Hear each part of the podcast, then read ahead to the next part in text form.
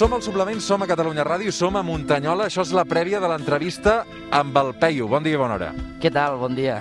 Peyu, som dins del teu cotxe amb el Mique, que és l'home que s'encarrega de, de gravar les imatges, i ens portes al teu corral, no? Sí, anem al Corral de les Cabres, el que passa que us heu entestat en venir eh, després del Filomena, aquí estem a 1.000 metres, encara hi ha restes de neu i just ara està desglaçant tot i està super enfangat. Llavors, ara hi ha una pujadeta que no sé si la farem amb el cotxe. Potser haurem de deixar el cotxe aquí i anar a peu. Anem a fer un intent, sí. Val a dir que venim amb dos cotxes i hem dit, escolta'm, jo no m'hi atreveixo, deixo el meu i pugem tots amb el cotxe del Peyu, evidentment tots amb mascaretes, però ara arriba el moment conflictiu. Escolta'm, et deixo que et concentris i vaig narrant el que passa, d'acord? Jo intentaré entrar a tot hòstia i a veure què Un passa. moment, em recorda això una mica el capítol del búnquer del Carlos Sainz?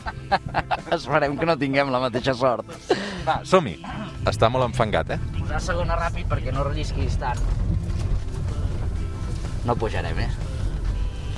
Sí, sí, sí, sí, sí, vamos, vamos, vamos, vamos, vamos. Vamos. Anem enrere? Ah, per molt poc, eh? Puta merda. Fem un segon intent? o- Vinga, segon intent, i si no, eh, fem cames, eh? Quan he vist arribar el Peyu amb la furgoneta i com estava la furgoneta, perquè realment semblava que arribés del, del, del Dakar, pràcticament, perquè és que... Quan no hi ha fang aquí dalt, la furgoneta segueix igual de bruta, eh? No, no tinc molta delicadesa amb els cotxes. Aquí dalt què hi tens, Peyu?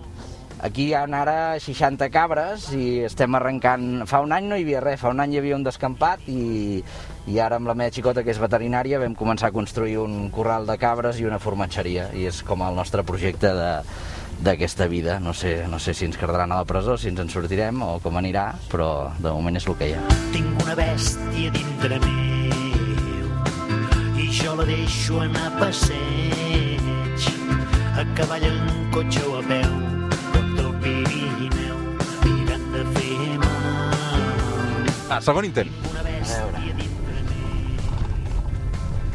maldeira i de per sortir Uf, aquí m'ha anat molt forts, eh?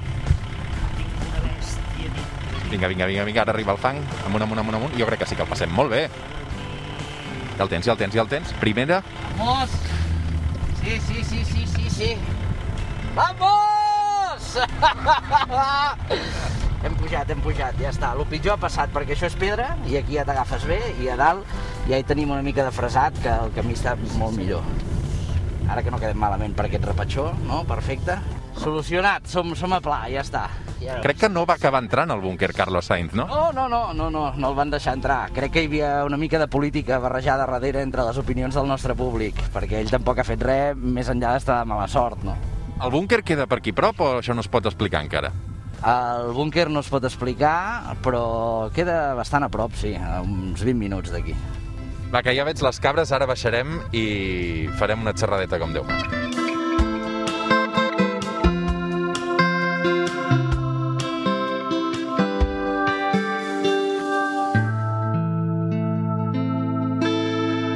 Fem-ho bé ara, va. Què? A veure, m'has portat a port després d'una aventureta divertida i Ha costat pujar, ha costat pujar, sí, eh? 60 cabres. Bueno, crec que són 50 i pico ara, no ho sé, no porto els números jo exactament, ho porta la meva xicota, que és veterinària i, i compta més bé que jo, i crec que n'hi ha 57 o així. Realment, això és una infraestructura de dimensions. Jo em pensava que tenia res. Quatre... és a dir, Res. un, un parell de cabres de- d'animals de, companyia, pràcticament. Però veig que no, que això va de debò, no? Això va de debò...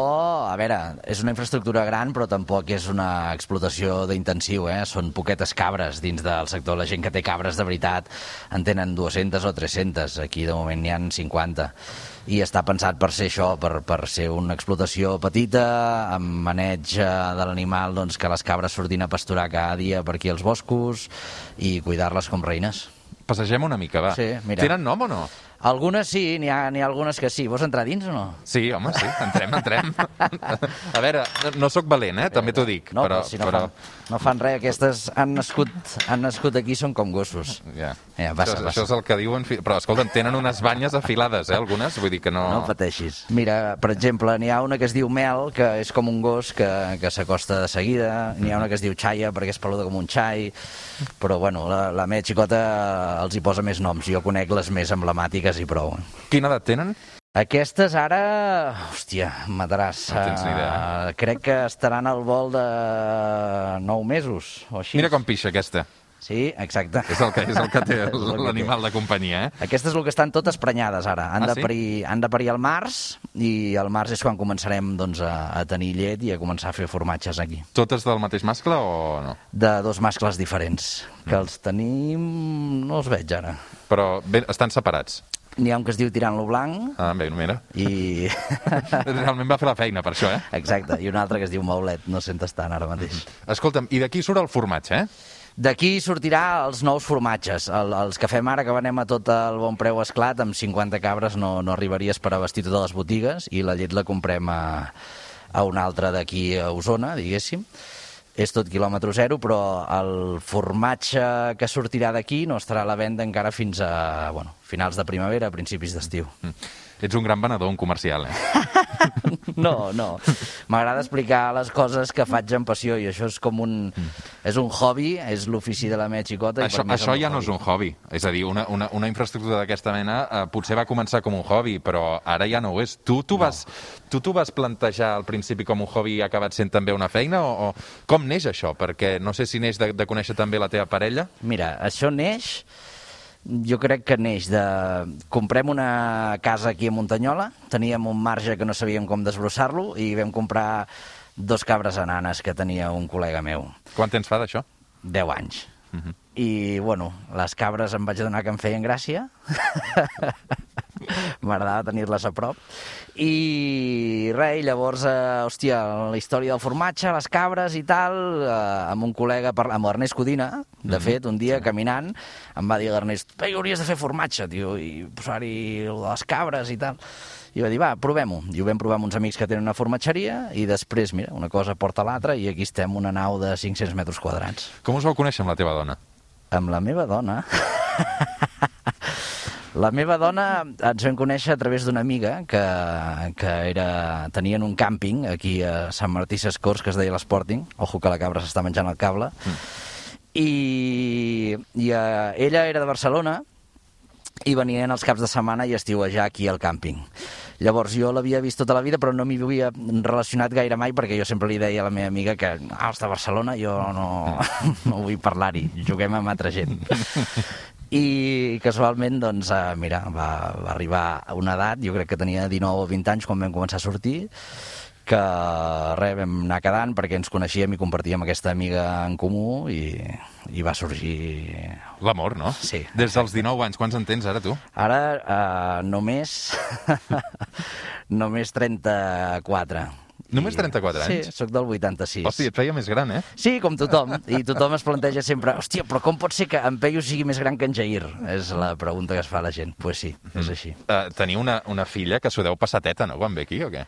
Sí, sí, sí. De fet, eh, ara els Reis li van portar un tractoret petit de bateria i, eh, bueno, corre per aquí amunt i avall amb el tractor.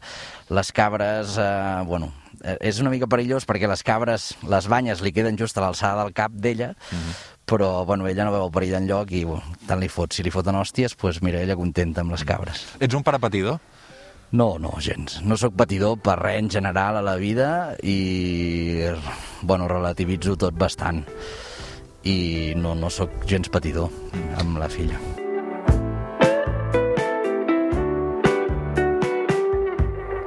Tornen els prismàtics en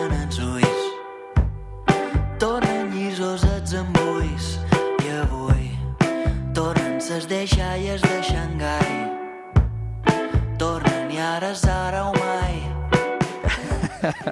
Les cabres tot el que és nou els hi fa gràcia Sí. i estan aquí intentant menjar-se l'objectiu de la càmera. Ep, al tanto, que t'ataca. Que- Continua. No, ara m'estic posant una mica tens, eh? Sí? Plorar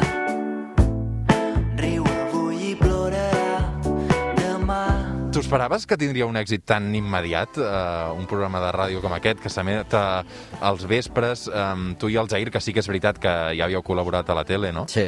Però realment ha estat el fenomen d'aquest any també Catalunya Ràdio, no?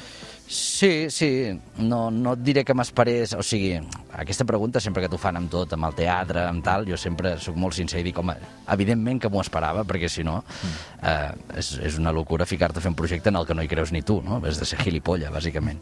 Llavors, eh, el que no m'esperava és que, per exemple, en els EGMs primers féssim 70.000 oients. Eh, això no m'ho esperava perquè normalment en ràdio els canvis eh, són molt més lents, no? I, i tardes més a, a veure els resultats. Però sí que creiem molt en el projecte, creiem molt en, en un espai de ràdio que creiem que era necessari, desvinculat de l'actualitat, d'aquesta de merda que vivim entre Covid, la política que és totalment grisa, que, bueno, el futbol també passa per un moment eh, estúpid. Llavors dic, hosti, jo crec que hi ha molta gent que deu tenir ganes doncs, de tenir un espai on no es parli de tot això i es parli d'altres merdes molt més divertides. Hi ha una part molt guionada, no?, que és la del personatge, però Sí. hi ha una altra part eh, que és molt improvisada, no?, que també, eh, no sé si et molesta que, que et digui que em fa pensar una mica amb el Nadia Sabenada que feien Sí. el, el, el Luna Fuente No. i, el, i Alberto. No em molesta gens, no? Sí, Hi ha, hi, ha, hi ha la part aquesta de la improvisació que tu i el Jair sou genials, també. és, és quan ens ho passem més bé. Aviam, també hem descobert que amb, amb, amb guió treballem molt bé, eh? perquè amb la biografia i improvisant nosaltres sobre la biografia del personatge, que és la part aquesta que dius més guionada de l'inici, ens ho passem teta.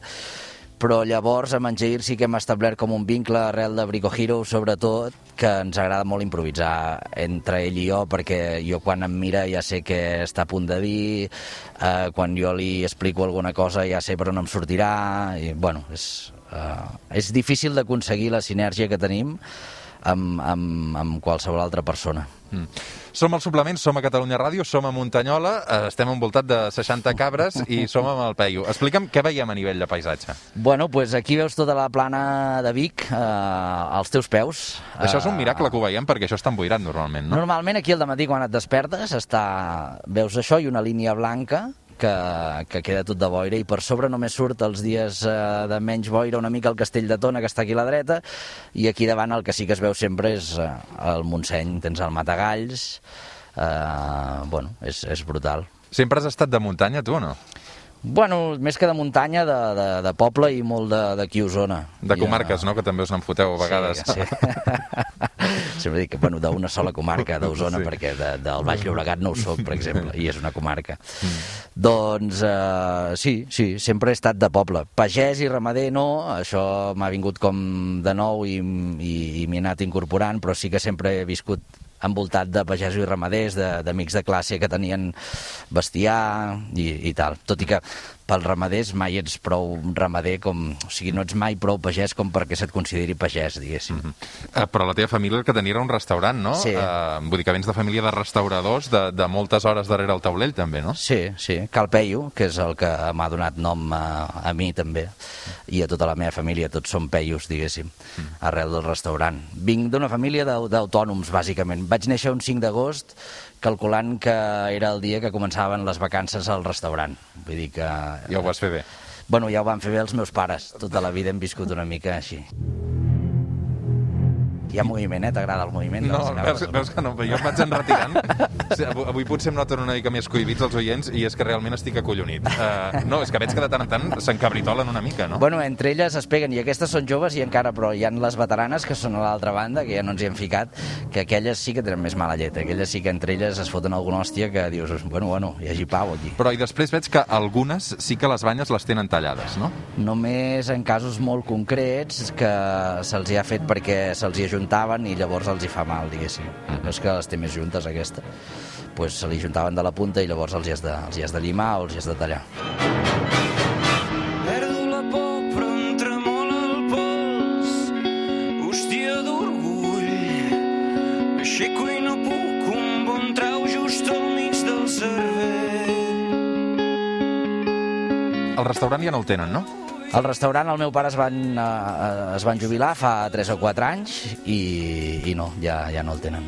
Al meu pare li encanta remenar per aquí eh, i ajudar-me amb, tot. Eh? La, aquí, el de Brico Heroes, o sigui, jo quan faig bricolatge a Brico Heroes eh, fem una mica el gilipolla però el bricolatge és una afició que tinc de tota la vida. Tots els cornedissos aquests de fusta que veus aquí, totes les valles aquestes, les, les he fet jo. Uh, T'estan... Se m'està menjant el, bueno, el micròfon, bàsicament. Uh... Aquesta és la Mel, és la que et deia, que és com un gosset. Faré bona olor quan arribi a casa. de, de cabra. Sí, sí, sí.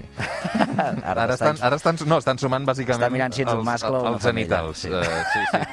Uh, per on anàvem? Per què t'estava preguntant ara la part introspectiva de la família? No estàvem per aquest... Uh, molt bé. Sí, sí, del meu pare i, bueno, els meus pares sí, sí pugen per aquí. I mm, tota la part del, del bricolatge d'on et ve? Perquè això també ha estat un descobriment que l'has pogut portar al teu terreny, que és el de l'humor, però Sí. la combinació... Uh, Això ve de, suposo, per, pel model de família que teníem, diguéssim, que els meus pares estaven treballant sempre i jo m'havia de buscar algun tipus de distracció, perquè a aquella època no hi havia moltes extraescolars ni coses d'aquest estil i estava sol a casa i t'avorries. I llavors teníem uns veïns al costat de casa que eren de Sabadell Mm.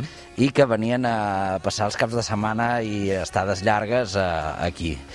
I el senyor gran, que es deia Simón, eh, li agradava molt el bricolatge. I llavors jo passava moltes hores amb ell arreglant coses i m'ensenyava a penjar quadros i a fer coses. Era la distracció que tenia. Suposo que em ve d'aquí. o sigui que realment no és un personatge, en saps de debò.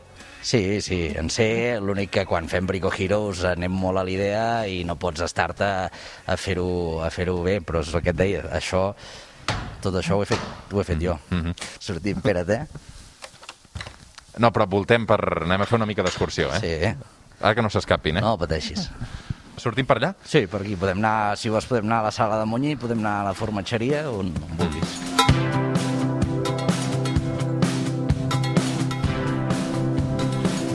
Teatre tota la vida havia fet eh, pastorets, eh, diferents espectacles eh, amateurs amb companyies de per aquí, i això sí que era com eh, el meu objectiu. De fet, jo vaig començar, quan vaig acabar batxillerat, eh, vaig eh, fer les proves d'accés a l'Institut del Teatre de Barcelona, que la part teòrica la vaig, eh, me la vaig treure amb molt bona nota i llavors estava fent les pràctiques, només seleccionaven 16 persones, crec, o 16 homes i 16 dones, no me'n recordo, i quan portava 3 dies fent pràctiques vaig fugir corrent d'allà perquè pensava, hòstia, bueno, no em vaig veure 4 anys allà dins amb aquella gent que tot era hipervocacional i tot era el somni de la seva vida i, i jo no he tingut mai les coses tan, no sé, tan clares i no ho he sentit mai tant tot. A mi tot em sembla bastant igual en general. Però- I llavors allà em vaig trobar una mica desubicat. Però vas estudiar comunicació audiovisual, no? Sí, vaig marxar de l'Institut del Teatre, vaig abandonar allò i vaig anar a fer comunicació. Però... I has acabat fent formatges. Sí. Entre moltes altres Entre altres coses. coses, sí. La vas acabar o no? Què va? No, no. no, no. Em queda, em queda una assignatura Home, escolta'm, ja t'hi vaig jo. del professor Carles Llorenç, sí. eh, que des d'aquí, si ens està escoltant, em faria un favor si me l'aprovés. Presentant una mica la trajectòria professional, no et poden donar un títol després? On és, a l'autònoma, això? A l'autònoma, sí. Ho hem de gestionar, això, Roger. Demano, demano. Sí, sí, sí. No, Em molt... va enganxar l'última època que ja estava treballant amb coses, liat, fent teatre i tal, i havíem d'estrenar un espectacle eh, dos dies després de- d'aquest examen. I no, no podia estudiar perquè estava amb el teatre ja. I després ja una feina va portar l'altra i no he tingut mai temps de parar a intentar treure'm la llicenciatura. Escolta'm, uh, fa uns mesos uh, vaig fer una xerrada com aquesta amb el Jair Sí, i mm, m'explicava, no?, que, que, clar, durant una pila d'anys sempre ha treballat a Barcelona, sí. que ell va fer una aposta per viure uh, lluny, uh, a casa seva, a Vilafant, crec que és, no? Sí. I que cada dia doncs, ha d'agafar el cotxe amunt i avall. Tu no estàs en aquest extrem del Jair, però també, eh, déu-n'hi-do, has de fer la C-17 pràcticament molts dies a la setmana, no? Ara he aconseguit fer-la només un cop a la setmana. Baixo a El dia Barcelona... que vas a l'estar passant. El dia que vaig a l'estar passant. Però durant una època llarga de la meva vida, que ja vivia aquí a Muntanyola, durant 4 o 5 anys, eh, em despertava a les 5 del matí, a les 6 agafava l'autobús del Segalers a Vic, baixava a tot hòstia, perquè els que van a Mansegalers ho sabran que van a tot hòstia. I la carretera, la C-17, déu-n'hi-do. déu nhi i arribava al carrer Casp a les 7 menys 2 o així, tenia una moto vella aparcada allà i corria fins a Francesc Macià i anava a fer el Freaking de Matiner RAC 105 que entrava bufant just quan acabava l'informatiu. Mm. I Molt això ho vaig fer molts anys. Eh, Molt sacrificat, no? Sí, sí, eh, ara no ho faria ni boig, però m'ha costat molts anys també aconseguir que algú s'atrevís a fer alguna cosa com el Búnquer, per exemple, fer un programa de, de ràdio des de fora de Barcelona. No t'agrada viure a Barcelona. No, però què? no passa res. Jo crec que és una mancança personal, és un problema, és una limitació meva. És que, amb, uh, no ho sé, a mi m'agrada eh, voltar pels paisatges que conec i allò ho, ho desconec i ho veig estrany i no és on em sento còmode. Crec que és una limitació meva personal, o sigui, no és culpa de Barcelona, és culpa meva. I després que, que, bueno, que jo necessito tocar de peus a terra i tornar a la realitat i a lo que som, que som animals, i necessito fer coses que em recordin això, perquè tens un ofici que és eh, el 90% mental, d'intentar pensar tot el dia guions i crear històries, i després eh, necessito de tant en tant tornar a la realitat i, i, i construir una valla de fusta eh, per les cabres, perquè dic, hòstia, doncs és això el que sabem fer realment, no? Ara et faré aquella pregunta i aquell debat que li agrada tant a Catalunya. Eh? Aviam. Tu creus que els que no són de Barcelona són tractats una mica com a ciutadans de segona en aquest país? Mira, jo, jo crec que més enllà de, de la brometa i de, de, lo, de, de la rivalitat que hi pugui haver, que és sana eh, i és divertida jugar-la, hi ha un problema més de fons que sí, que existeix, per exemple, en el sector audiovisual, no? que sembla que si no estàs treballant a dins de Barcelona i, i no estàs, o en el circuit teatral, per exemple, no? si no estàs dins del circuit teatral de Barcelona, és com si no existissis, no? I jo m'he envoltat de professionals eh, que molts són de fora de Barcelona, que són d'Osona i tal, no és que demanem el pedigrí i si veiem que han nascut a Barcelona no els agafem a treballar, eh? però donar l'oportunitat a gent molt bona que sempre ha d'anar a treballar a Barcelona, pues, poden treballar una productora pues, a, a, a Osona, no? I amb el teatre passa el mateix. Hi ha directors de teatre boníssims que si no estan ficats dins del cercle teatral eh, habitual que coneixem, pues no els coneix ningú i fan coses excel·lents. I els millors teatres de Catalunya no són a Barcelona. Jo que volto i actuo a molts de teatres, eh, a Vic hi ha el Teatre Atlàntida, que és brutal, el Cursal de Manresa, que és brutal, eh, hi ha espais magnífics i no són a Barcelona, precisament. Hi ha una festa baix al port i la gent se n'hi va amb els ulls plens d'espurnes cantant. El Quimi Portet a mi m'encanta i crec que uh, sou bons amics, no? Sí, sí, sí. Va fer una entrevista fa uns mesos amb, amb, amb nosaltres arran d'aquest últim disc que ha tret, molt xula, i és una persona d'aquestes que sempre que xerres una estona amb ell uh, s'aprenen moltes coses. No? El Quimi és un personatge que està de tornada de tot i, i ha voltat tant i té tanta experiència. Jo, els mesos que vaig compartir amb ell fent Natura Sàvia, que és quan ens vam veure més habitualment, vaig aprendre moltes coses. Entre altres, per exemple, un dia li vaig demanar disculpes perquè el rodatge s'allargava i dic, hòstia, Quimi, dic, em sap greu perquè anem tard, hi ha hagut un problema i tal, i em va contestar, diu, Peyu, fa molts anys que, que no tinc pressa. Dic, val, val, doncs res, deixa estar. I el, el Quimi va fer una cosa que és renunciar a una carrera d'èxit i a gires mundials, no? Sí, Per, per fer el que realment volia, no? I fer la proposta musical que li donava la gana un cop mm, ja aquell èxit li havia cansat, malgrat que el podien haver estirat molt temps, no? Sí. De dir, escolta'm, jo això ara no ho vull, m'interessa una altra cosa, no? Se n'ha de saber també de dir no a vegades. Home, evidentment, jo he dit que no també, a veure, eh, guardant totes les distàncies del món amb, amb, amb, amb els números i l'èxit de l'última de la fila i de la trajectòria del Quimi, però sí que hi ha molts projectes que eren molt temptadors i que m'han ofert a mi de tele i que no els he volgut fer. I, i el primer projecte gros que vaig intentar capitanejar era una cosa molt personal que era Natura Sàvia, que era un programa al que jo li tinc molt carinyo perquè el vam cuidar com, com un fill petit uh, i vam dedicar moltes hores i jo crec que era una cosa super diferent, que, que no s'havia fet mai, que en quant a televisió pública complia tots els requisits perquè era entreteniment i divulgació i ensenyaves fauna autòctona i territori i em va costar molt poder tirar endavant allò. I cada, cada vegada la gent jo crec que no és molt conscient del que ens costa eh, els que són petits, com jo, que tinc una productora molt petita, arrencar projectes. Brico Heroes, eh, tu parles amb qualsevol persona i tothom pensa que és un èxit i que és indiscutible. Brico Heroes, eh, que es fes segona temporada o no, va anar d'un pèl. I, I ara batallarem per poder fer la tercera, però cada, cada temporada és una lluita. Al Jair Domínguez li fan titulars que diuen que cobra mig milió d'euros. són meus, no, no són seus. Qui se'ls queda? són meus, se'ls quedo tots jo, aquests.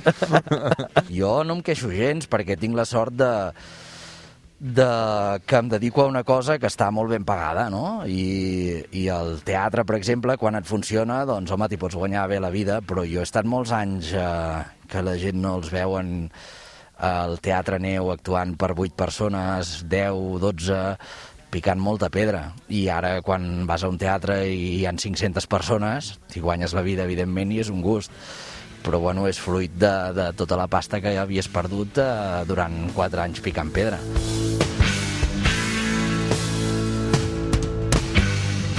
Vols que anem a dins? Sí, Tens clar. fred o no? Vols que anem a... Estic congelat, però deixa'm explicar que el Peyu, eh, mireu si és de comarques, que no, Home, porta ni, no porta ni abric. Vull dir que... Aquí estaràs més calent. On som? Ara som a la sala de Munyí, les cabres entren per aquí, llavors, veus, això puja amunt, Van passant per aquí una per una, no? aquí entren les cabres, ja es posen al seu lloc perquè allà els hi posen el pinso, les munyen i un cop munyides pues, surten per aquella porta i van a parar a l'altra part del corral. El munyí encara es fa manual, eh? Ara, de moment, perquè estem munyint molt poques cabres, que estem munyint 8 o 9, que, que són unes cabres grans que tenim aquí, eh, es fa manual. Després, a partir del març, quan neixin els cabrits i, i, i pareixin totes les que han nascut aquí, llavors ja es farà amb, amb una munyidora, amb, amb màquina, diguéssim.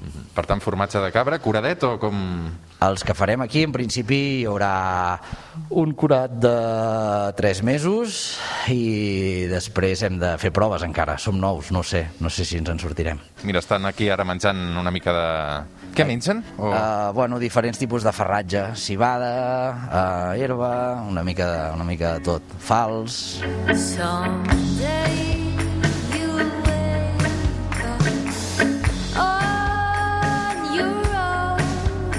moltes gràcies. molt bé, a vosaltres, per Molta venir sort. fins aquí dalt, que... Ha valgut la pena. Bueno, sou dels pocs, eh? Perquè Hem vingut a- Barcelona... Hem vingut a veure la neu, eh? Hem vingut a Sí, tocar la neu. sí, sí, sí, sí, Això però- fa, ara, ara farem aquí un ninot de neu, ens tirarem unes boles, això que ens fa tanta gràcia, eh? Exacte, Molt bé. Peyu, gràcies. a vosaltres.